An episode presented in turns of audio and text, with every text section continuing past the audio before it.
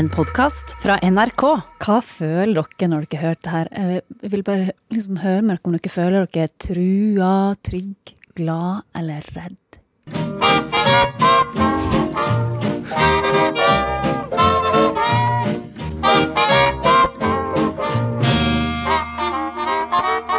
Mm, take it easy, boy. Go Ja, det. Jeg føler at eh, nå står jeg rette på, en måte på smokingsløyfa mens jeg, mens jeg gynger litt, og så står jeg med en cocktail i hånda. Skal med i et middagsselskap i 1936. Jeg føler jeg er på tivoli. Tivoli. Ja. Men det Det er lukter ikke- egentlig sukkerspinn og popkorn og det hele. Men jeg ser ikke så masse frykt i øynene deres. Å nei, nei. Jeg ble i godt humør av det her. Altså, under, eh, under andre verdenskrig, det, det er helt fantastisk, fordi da ble jo denne her sjukt trivelige låta 'Take it easy' om å kose seg og ta det med ro. Den ble sett på som så farlig under andre verdenskrig at han som spiller, Leo Mathisen, han måtte skette melodien i stedet for å synge tekster. Fordi teksten var farlig. Ja, alt var farlig med den egentlig. Så det var, det var rett og slett uglesett å sette på som ting som kunne føre til samfunnets forfall. Jøss. Uglehørt. Og i dag skal vi høre om en podkast som tar oss med på ei reise til ei tid der både musikere og musikk kunne bli sett på som ustyrlig villskap som kunne få samfunnet til å forfalle. Velkommen til Kulturstripers podkast. Vi er jo til vanlig et radioprogram som går på NRK P2 mandag til fredag fra to til tre. Men i denne podkasten så samler vi de beste anbefalingene våre hver uke, og i dag er det oss, Torkil Risan, Mm. Eirik Høsøyen Havelin Hallo. og jeg, Jean Kristin Sena, som har samla alt kruttet vårt for å gi det de anbefalingene som vi mener er verdt i tid. Og Eirik, vi starter med det. Hva er det med det? Jeg har med meg den nye filmen til en favoritt. Um, kan se for meg at det også er en favoritt hos dere. Hva tenker dere hvis jeg sier Judd Apatow? Mm. Jeg ser for meg en uh, ung jødisk herremann med uh, røykende på en joint, uh, som eh, er et forvokst barn. Uh, eh, liker å lage litt sånn uh, og veldig kom komedier. Ja, ja, ja nei, men nå tenker jeg på en av figurene i filmene hans. Ja. Jeg ser jo egentlig for meg Seth Rogan. Ja, ikke ja. Eh, og og litt, sånn- litt sånn klassiske kjønnsstereotypier. Ok. Det Mm. har han ofte med i filmene sine. Mm. Jeg må innrømme at det ikke er en favoritt, Nei. men, okay. men jeg lar meg underholde. Ja. Jeg lar meg veldig underholde. Ja. ja, jeg også er veldig veldig fan av han. Og jeg vil nesten opphøye han til en slags, i hvert fall hvis du ser det sånn overordna, en slags definerende kraft for humor de siste 20 åra. Fra Freaks and Geeks kom ut på slutten av av 90-tallet, så har han egentlig vært med på omtrent alt som har vært uh, morsomt. I hvert fall en ganske stor andel, med liksom Superbad, Anchorman, Pineapple Express, for å nevne, nevne mye. Um, og nå har han ny film ute, og den er basert på livet til Pete Davidson. Han er også spilt av Pete Davidson, og vi kan jo høre et eh, klipp fra King of Staten Island. I like your tattoos. What are those numbers on your arm? Oh, that's uh, the date my dad died. He was a fireman. Died in a fire 17 years ago. Oh my god, I'm so sorry. Don't be. It's fine. Knock, knock. Who's there? Not your dad.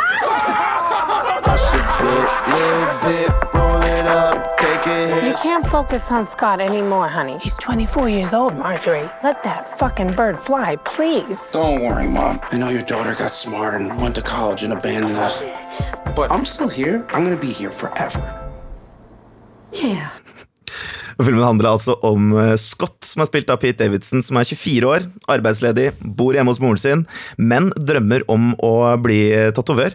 Men som i mange av Judd Apatow sine filmer, som du nevnte, Torkil, eh, han røyker isteden veldig veldig mye marihuana det, ja. eh, enn å følge opp de drømmene veldig konkret. Og Man skjønner fort at han ikke nødvendigvis lever sitt beste liv heller. Han, han sliter, eh, rett og slett.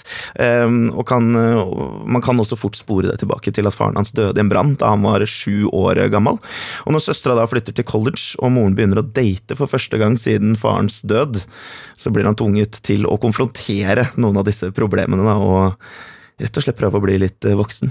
Men altså, Scott spilt av Pete Davidson, men basert på Pete Davidson sitt liv. altså Hvor masse er det liksom som krysses i eh, hva som er sant og ikke sant? og ja, Ja, det er en god del som stemmer, eh, absolutt. eh, Men også mye som ikke er sant. Eh, Faren til Pete Davidson døde også på ekte, i en brann, men det var som brannmann. Men det var i World Trade Center eh, 11.9.2001. Men på en måte for å ikke gjøre det til en sånn type film, så gjorde de det heller til her da, at det var en, en husbrann han døde i. Um, og Davidson har også vært åpen om å ha slitt med depresjoner og mye angst som en følge av dette. Men det de har sagt, da, eh, Davidson og Judd Aptow om denne, er at de på en måte har sett for seg eh, hvordan livet eh, hans hadde vært om ikke han hadde starta med komedie. For i dag er han jo en kjempeanerkjent eh, komiker eh, som er med på Saturday Night Live, og som, som ja, eh, har blitt vellykka, rett og slett. Men om han ikke hadde funnet den, hvem hadde han da vært når han var 24 år? Eh, Så, de tar for seg mange av hans problemer som han har møtt eh, opp gjennom livet, men på en litt annen måte, da. Hvordan, jeg- bare lurer, fordi jeg har tenkt å se filmen. eh, Hvordan synes du, du som har sett alle de andre Apatow-filmene du nevnte, hvordan, hvordan plasserer den seg i, på, eh, på favorittfilmlista til Apatow eh, for deg? Nei, altså Det er der det, det begynner å bli spennende også da, med denne filmen, på én måte. Um, fordi den har mange mangler. Den har noen ganske klare, konkrete mangler som jeg ikke har sett i like stor grad på noen av de største og beste filmene hans. Men det er også fordi han har tatt på seg et mye mye større oppdrag. Det å lage liksom humor om noen litt sånne goofy karer som røyker weed og, og ikke blir voksne, det, det er ganske en, en formula han har klart å på en måte finne. da. Eh, Og hvis du gjør noe som er litt annerledes, så blir det sett på som tilfeldig, og det er gøy. Her er det ganske harde temaer han tar for seg. Det er mye mer drama i det enn eh, vanlig. Og tidvis altså, Kanskje rett og slett litt sånn spenner bein på, på den dramaen også, med all den humoren. Mm. Og hvor det heller ikke blir ordentlig hysterisk morsomt. Men så har den likevel en sånn kvalitet eh, som den jeg vil si at er sterkere i denne filmen da, enn i mange av de andre eh, komediene, hvor du går ut og har ledd og har kost deg, men ikke nødvendigvis at det gjør så mye inntrykk. Um, dette her er en sånn film eh, og, som satt i meg mange dager etterpå. Jeg kom ut etter å ha sittet to timer i kinosalen og hadde glemt hva som hadde skjedd tidligere på dagen. Jeg hadde ikke tenkt på klokka. Eh, Jeg kom ut og, og syntes det var Jeg var overraska over at fortsatt var lyst, og at jeg var i Oslo. Jeg skjønte på en måte ingenting, for jeg følte jeg hadde hengt litt med noen venner, på en måte, og blitt litt bedre kjent med dem. Og rett og slett blitt både rørt og, og berørt og, og, og bevega, rett og slett, av filmen. Så, så den anbefales absolutt å se, og er egentlig en perfekt sånn liten eh, slags, kall det en hverdagsflukt, eh, om det skulle regne en dag i sommer. Ja, og hvis man da alle vennene er bortreist på ferie, Ikke sant? gå inn i en kinosal, finn det- finn deg nye venner, skulle jeg si. Men, men den går på kino nå, Den går på kino nå, eh, og anbefales å, å få med seg. Helt klart. og tittelen var nå igjen King of Staten Island. Tusen takk, Eirik. Torkil, har du tatt med det? Du, eh, det er også Det er jo med sommer, så har du noe sånn eh, Sånn som eh, den filmen eh, King of Staten Island er en litt sånn typisk sommerfilm i mitt hode, mens andre tenker liksom sånn sommer, nei, da har jeg da, Det er krim, da er det en, en pocket, en krimpocket og sånne ting.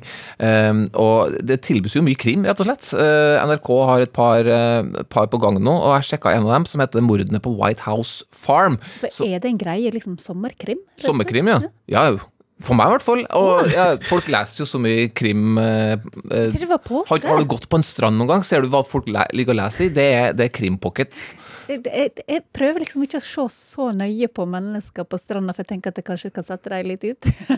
Men det? Ja. Krimbransjen har skjønt det. Det er julekrim, det er påskekrim, det er sommerkrim. Ja. Alle store anledninger har en krim. Pinsekrim. høstferiekrim, Ja. det? Eh, helt sikkert. Høstkrim Altså, finnes sikkert, i hvert fall. kan jeg se for meg. krim fins uansett alltid. Uh, og tror jeg da White, mordene på White House Farm som kommer nå på søndag, vil tilfredsstille dem som er sultne på det her. Eh, og det da handler da om virkelige hendelser. Oh, en true crime? og? Nei, det er det ikke. Eh, Det, er- det, det er spilt serie, ja. men, men det, den handler da om eh, noen virkelige eh, drap. eh, Og det er da flytta til da det skjedde, selvfølgelig. Det er natt til 7. august i 1985. eh, Så er vi på den lille lokale politistasjonen i Chelmsford i Essex i England, og der begynner telefonen å ringe.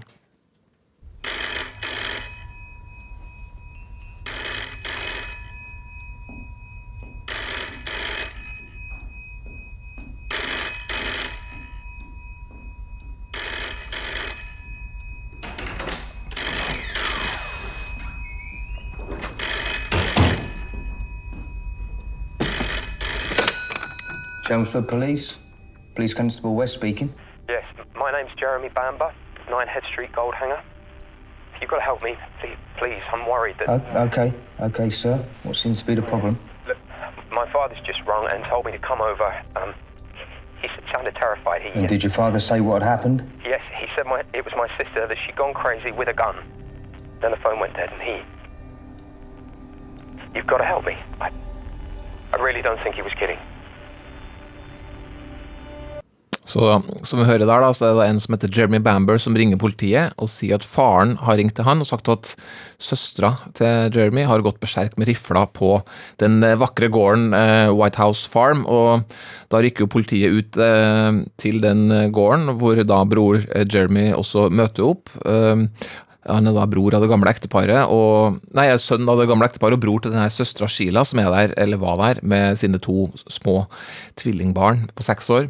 Eh, politiet da finner et helt låst hus, eh, eh, så politiet bryter seg inn eh, med Jeremy nervøst ventende utafor, og inn der så er tragedien et faktum. Eh, politiet finner da ekteparet skutt og drept, eh, finner da Sheila også død. Og de to uh, tvillingguttene på seks år er også skutt og drept. Nei. Eh, Den er ganske eh, grusom. Eh, Så konkluderer politiet kjapt med at det er Sheila, søstera til Jeremy, som har gjort det her, og så tatt livet av seg sjøl. Pressen er jo i festhumør her eh, og skriver masse om det. Lokalsamfunnet er i sjokk. Politiet vil da ha så mye fokus på seg, sånn som vi kjenner fra andre serier. Så vil de ha en rask og enkel avgjørelse, eh, og det, det er alle i politiet med på. Jo, vi skjønner hva som har skjedd her, bortsett fra én, selvfølgelig. Eh, eh, Den litt uregjerlige, eh, litt eldre og ikke like autoritetsvennlige etterforskeren Stanley, eller Stan, da. Han har litt sånn antihelt-vibba gående, som vi, som vi sikkert har sett i mange serier før. Så han ser jo da flere hull i denne mord-selvmordsteorien, og prøver da å stanse at det trekkes for raske konklusjoner, og det er jo derfor Stan er så upopulær hos sjefene sine. Is there a problem, Stanley? Gov, we've got to stop this. We've got to stop moving the bodies. Why? We need more forensics, a proper team in there, top to bottom. Well, the last thing the surviving family needs is us dragging it out. Have you seen the girl's body? She's been shot twice. Well, you on Soccer now, Stanley? Obviously, it needs to be confirmed, but if I'm right, then.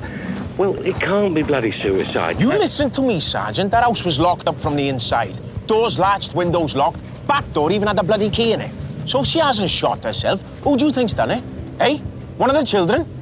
This is a big one. We got every bastard watching us, and I need everyone doing their job. Your job's a nice little easy one, looking after the family. All right? Are we all right, Sergeant?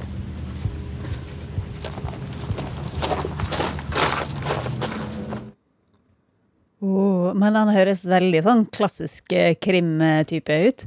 Han Stanley han er jo litt sånn eh, eh, litt spak akkurat der når han blir overhøvla av eh, sjefen sin, men ja, han høres ut som en sånn klassisk eh, type, og skulle sikkert forvente at han kanskje drikker litt og har et dårlig ekteskap osv., men eh, siden det her er basert på ekte fyr, så, så, så er det, det er ikke tatt noen friheter der. Han er, han er ikke den klassiske antihelten som, som alltid har eh, masse problemer.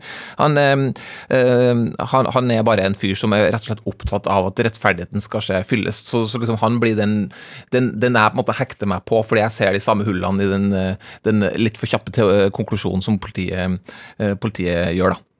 Ja, for jeg trodde det var veldig sjelden at damer drap med hva skal jeg si, skytevåpen. Ja, men det betyr ikke at du Det kan jo skje, det også, Finn. Ok, da. Men, men eh, hva annet liker du med, med White House Farm enn eh, Stan, the man? Ja, Stan the Man, han er jo eh, glad i Nei, altså, Det tilfører jo en veldig sånn ekkel nerve at det er ekte hendelser, da. Det, det bare, altså, den er så utrolig stygg, den, eh, den det, det, Bare det åstedet, men også de hendelsene der. Eh, Det at det er barn involvert, er jo selvfølgelig, gjør det jo ekstra ille. Har du dere og googla sånt i ettertid? Du må aldri google det her. Eh, ettertid så har jeg gjort det, men du må aldri google det hvis du har tenkt å se serien. Eh, Det er veldig viktig. Ja, det er en gyllen regel. Eh, og så syns jeg det, det har jo en tilfredsstillende slutt, fordi Fordi, en, fordi den slutter med det som måtte virke, har skjedd i virkeligheten. Mm. Selv om jeg faktisk er litt usikker på om politiet eh, har gjort det rette. Og da, det er, er interessert i andre, andre som ser serien. Kan ta gjerne kontakt og komme med dine teorier. Nei, I hvert fall sånn som det er framstilt i serien, og da, det vet jeg at det er veldig åpenbart filter, akkurat det, altså. Eh, men, men jeg, jeg ser noen huller i, i det som foregår der, der også, men ok. Synes jeg, det trekker litt ned at det, det er seks episoder. Det er to for mye, syns jeg. Det, det kunne ha fint vært uh, litt magrere uh, og, og gått litt uh, raskere fram. Men hvis du vil ha mer, så går det også an å sjekke ut true crime-podkasten Red Handed. To spennende damer, veldig kvikk og med veldig sånn fyldig akademisk bakgrunn, som diskuterer kjente saker, annet også da mordene på White House Farm episode 128. Så det kan være desserten etter at du har sett de seks episodene som kommer på søndag. Å, så fantastisk. Det er jo to for én. Ja, absolutt. Tusen takk, Torkil. Ok, folkens. Er dere klar for en tidsreise til Danmark for 100 år siden, ca.? Må nesten si ja, må ikke det? Altså, det føles så feil å si nei, da. Ja, jeg er helt enig i det, og jeg også har sittet og sikla på når man ikke har ferie, så ser man alle andre som er på ferie, og spesielt de jeg kjenner som har dratt til Danmark, har jeg kjent eh, en ekstra trang til. Så det å komme seg til Danmark, det høres deilig ut. Ja, og, og eh, når du da i tillegg kan reise litt i tid, så er det kanskje ekstra spennende. Altså, Danmark i dag. Ikke så spennende som Danmark for 100 år siden. Men podkasten Farlig toner historien om danskas, tar for seg, som tittelen sier, historien om danskas.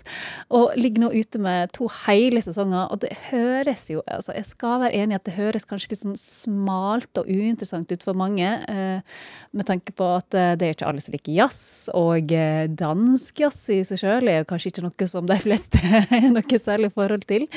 Men herlighet, så utrolig mange ville historier du får i den podkasten, og for en fin podkast det er. Så eh, mange har jo sikkert sett Babylon Berlin. Ja, ja, selvfølgelig. Sesong tre kommer til høsten på NRK. Altså, tenk hvis du kunne bare gå inn i veldig mange av de scenene inn i Babylon Berlin på disse her mørke klubbene der, og henge når de, når, de spiller disse her heftige låtene med storband og alt mulig i bakgrunnen. Mm. Det får du på en måte gjort litt i denne podkasten her. Altså, det er noe veldig sånn forførende med den mellomkrigstida der både menn og kvinner begynner å bli litt sånn rebelske og lever kanskje litt mer utsvevende liv enn det vi klarer å forestille oss i dag. Og både starten på hver episode og forskjellige scener underveis, det føles litt sånn film noir-aktig med en egen fortellerstemme som Altså, jeg kan se for meg denne her fortellerstemma sitte i et sånn mørkt, dunkelt kontorlokale med en sånn beige frakk, sånn detektivfrakk, og så er det liksom et sekunder før hun der utrolig vakre femfortalt kommer brasende inn døra og trenger hjelp. Bare hør her. Luften sidrer som sekundet før en boksekamp. Hvert et plyssæde i det kongelige danske musikkonservatoriums koncertsal er optaget. Der er dæmpet belysning, og det eneste han kan se er publikums briller, ure og smykker, der glimter i mørket. Han sidder på trommepodiet hævet over de andre musikere. Han sveder af nervøsitet. Slipset strammer, skjorten er gennemblødt, og stikkerne glider rundt i hænderne på ham.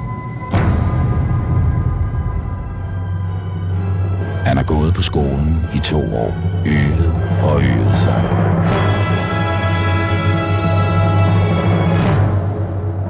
Han har også øvet sig på det forbudte. Indtil dette her øjeblik har det, de nu skal til at gøre, været strengt forbudt. Det har været direkte udsmidningsgrund, hvis man spillede bare så meget som en tone jazz. Men i aften er det nye og anderledes klange end de sædvanlige, der skal fylde koncertsalens rum ud. I aften er det de farlige toners aften. Sånn starter altså Wow. første episode av andre sesong. Veldig spennende lydunivers. Eh, Så sliter jo jeg med å forstå dansk, da. Eh, Så jeg har jo liksom jobba meg hardt gjennom de Third Air-podkastene. True Crime-podkastene som er utrolig bra laga. Jeg skjønner liksom 70% av dem. Så det, det tar jo tid for meg, merker jeg. Jeg har skjønt mer på slutten enn jeg har skjønt på starten Ja. av, av det her også. Så det, det, det, noe jeg er litt flau over, at jeg, at jeg forstår dansk såpass dårlig som jeg gjør. Han har en ganske sånn rolig stemme, da, så det høres ut som enkelt. at det, det kanskje er litt lettere enn for andre. Men eh, du nevnte at det var noen eh, ganske heftige historier eh, man fikk høre i podkasten. Hva slags historier er det snakk om? Jo, altså I første sesong så begynner jo vi i mellomkrigstida, da den absolutt aller første jazzsaksofonen kom til Danmark gjennom en båt.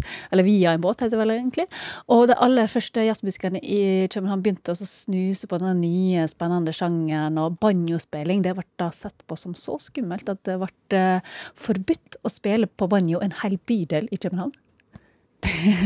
Det er sånn Det er instrumentet der. Nei, fy-fy. Og så reiser vi videre gjennom tida til da Louis Armstrong eh, besøkte København og skapte så heftig kaos eh, ved hovedbanestasjonen der at Justin Bieber-besøket, som var på Operaen for litt siden her i Oslo, det er barnemat. For litt siden, ja. Det var jo bokstavelig talt barnemat, han skal jo sies. Det var jo bare barn her. Sånn nok. Men vi får også historien til de glemte kvinnelige jazzmusikerne fra mellomkrigstida, som er egentlig ekstra fint og rørende. Og vi får høre hvordan det å spille jazz ble en egen motstandskamp mot nazistene under andre verdenskrig. Fordi jazzen sto jo for absolutt alt det nazistene ikke likte. Altså amerikanske, fargemusikere farga musikere, og det liksom absolutt alt det nazistene syntes var fælt, det var jazzen. og eh, før vi andre sesong da begynner å ta tak i etterkrigstida, og når beboppen kommer, og etter hvert rock kommer inn, og jazzklubbene begynner å blomstre både i byer og distrikter, og som igjen da åpner opp for at unge danske jazzmusikere fikk sjansen til å jamme med noen av de største internasjonale heltene sine. Altså, tenk dere da, hvis dere har noen sånne enorme uh, musikere dere ser skikkelig opp til, spiller instrument sjøl, så plutselig så står du på scenen sammen med dem. Det må jo være helt fantastisk. Og det var jo store musikere som Stan Getz, Jan Johansson og Dexter Gordon.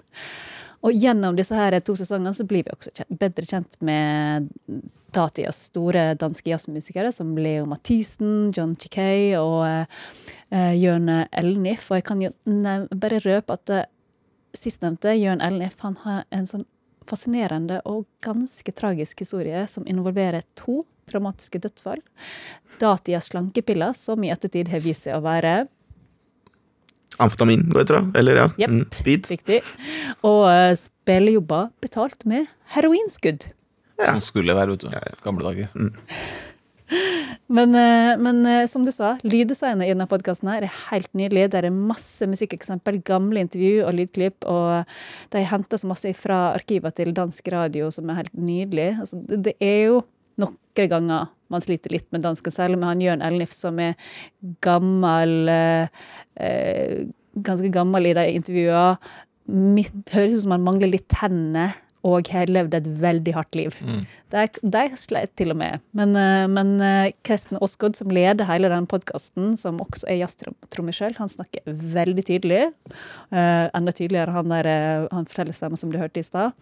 Og han forteller det med sånn konstant superbra historieoppbygging, og ikke minst veldig inkluderende hvis du i utgangspunktet ikke er interessert i jazz. Og sånn personlig som, så er det sånn at jeg er jo veldig glad i jazz. Men etter å ha hørt på denne podkasten så fikk jeg så enormt masse større respekt for sjangeren. Både med tanke på liksom all den motstanden jeg fikk i samtida si, både med tanke på rasisme, men også det at folk rett og slett mente at det var barbarisk, utuktig og bidro til forfall. Så jeg hadde likevel stått på, spilt og fortsatt å utvikle musikken sin videre. Mm. Og det, det, er ganske tøft gjort, altså, tenker jeg. Så hele første og andre sesong av Farlige toner, historien om den kan man finne der man foretrekker å laste sine egne podkaster. Og jeg regner med det blir sesonger helt fram til vår tid. Hmm. Spennende. Mm. Får man noen musikktips der òg, da, kanskje? Ja, ja, ja. Mm. Altså, han Kresten Aasgaard, når han for eksempel eh, forteller om John Coltrane, i tilfelle folk ikke veit hvem han er, så sier han også de og de platene der bør dere høre. Ja. Stikk ned, på biblioteket, lån deg, hør deg. Skal man utdanne seg litt også i sommer. Det er mm. ikke dumt. Men fra farlige toner fra fortida til nydelige toner i nåtida. Det er jo fredag, og da vil vi jo også gi det som hører på, splitter ny musikk å gå inn i helga med. Eirik, vi begynner med det. Hva har du funnet fram? Jeg har funnet fram en eh, ung kar fra Storbritannia eh, som eh, allerede nesten har blitt gammel, på en måte.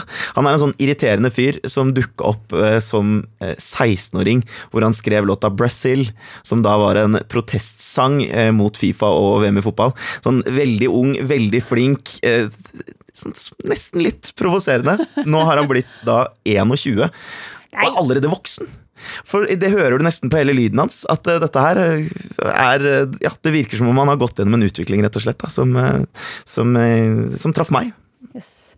Og det er da Daniel You're Still a Child? Du hører Det stemmer, og, og det er liksom som eh, to av de beste sommerlige tingene man kan ta for seg. Eh, Mac DeMarco-aktig, litt sånn eh, twangy eh, gitarpop, eh, tilbakelent. Twangy gitarpop. Ja. Ja, jeg vet ikke hva det betyr. Mac DeMarco, kjenner du til han? Nei.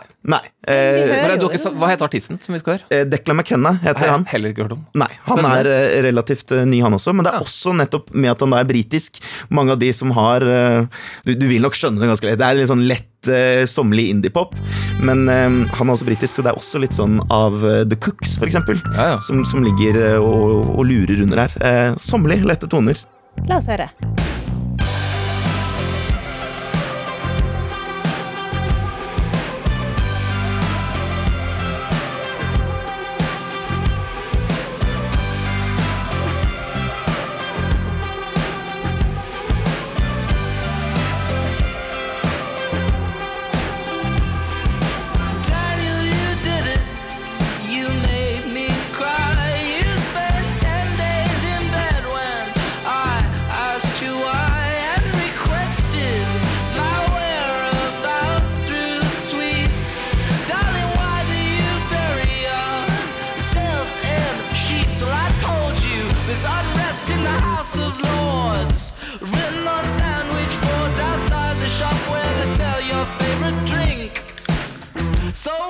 Wow, det syns jeg var skikkelig kult.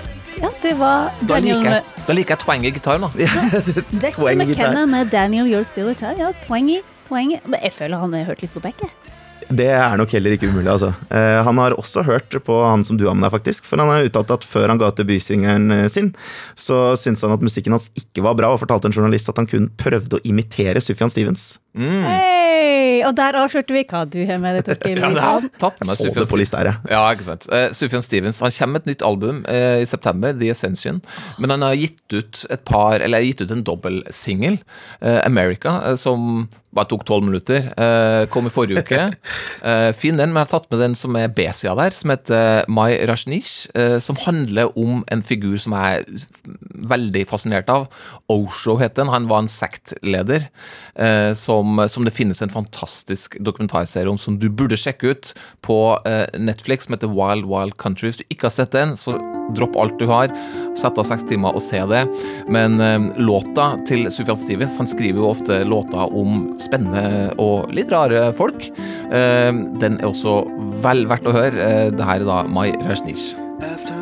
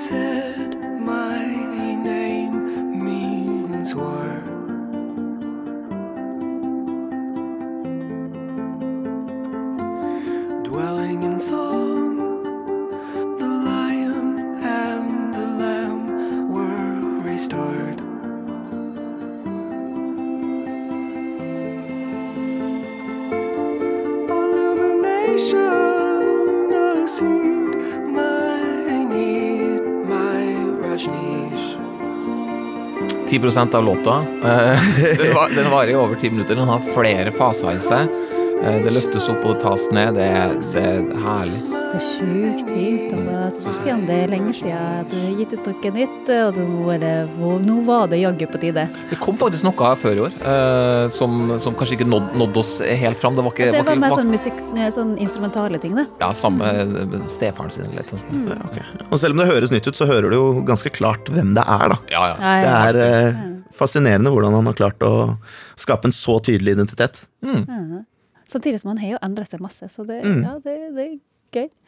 Altså, jeg har jo juksa og tatt med meg et album som kom ut for litt over en måned siden, fordi i min litt desperate søken etter ny musikk i dag, så begynte jeg å trykke meg inn på ting jeg likte tidligere. Ja, jeg syns synd på deg i dag, Jean. Du, du jobba hardt. Men herlighet, hvis du ikke liker det, så, så kan du ikke velge det heller. Det, det er derfor det er så bra at du har funnet noe. Jeg jobba hardt veldig lenge. Og, og så for å se altså Det jeg gjorde, var å trykke meg inn på ting. Så veldig mange musikere som jeg har likt eh, gjennom åra. Sjekke har dere gitt ut noe nytt i det siste. Veldig mange som ikke har gitt ut noe på veldig lenge. Men så vips, så plutselig så jeg at det amerikanske Deerhoof, som jeg var veldig opptatt av sånn for 10-15 år siden, Mm. har gitt ut eh, albumet Future Teenage Cave Artists i slutten av mai, og det hadde ikke jeg fått med meg i det hele tatt. Så, sånn sett, så jeg, jeg vil kanskje tipse folk om å av og til bare klikke inn på artister man har likt, eh, og bare sjekke hm, kanskje de har gitt ut noe. Jeg har også gjort det, altså. Og plutselig sånn Oi, det har kommet en uh, hittil utgitt låt av The Shins, for eksempel. Sånne Ja. ting. Ja, Mhm. det er jeg som jeg koser meg med. Ja, det er jo som å få en gave, fordi denne her, eh, altså denne her plata her viste jo seg å være veldig fin også. Dette her er da åpningssporet Future Teenage Cave Artists.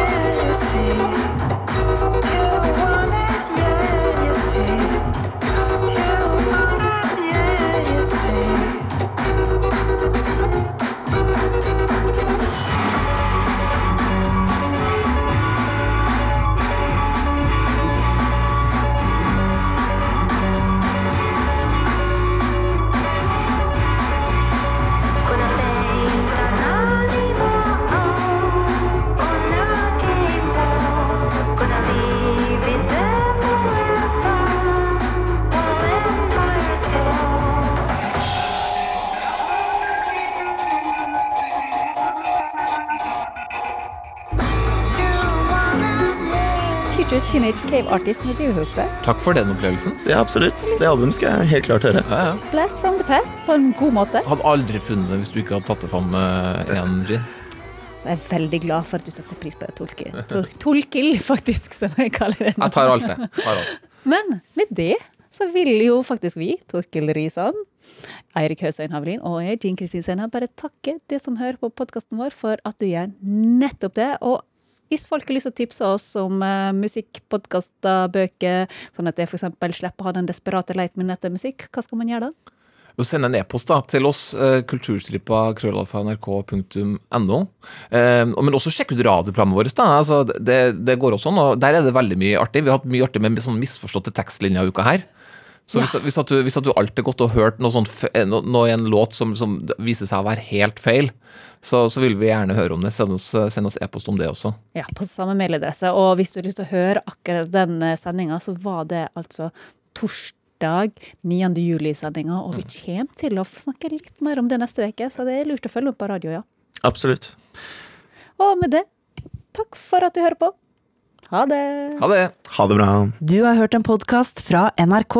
Hør flere podkaster og din NRK-kanal i appen NRK Radio.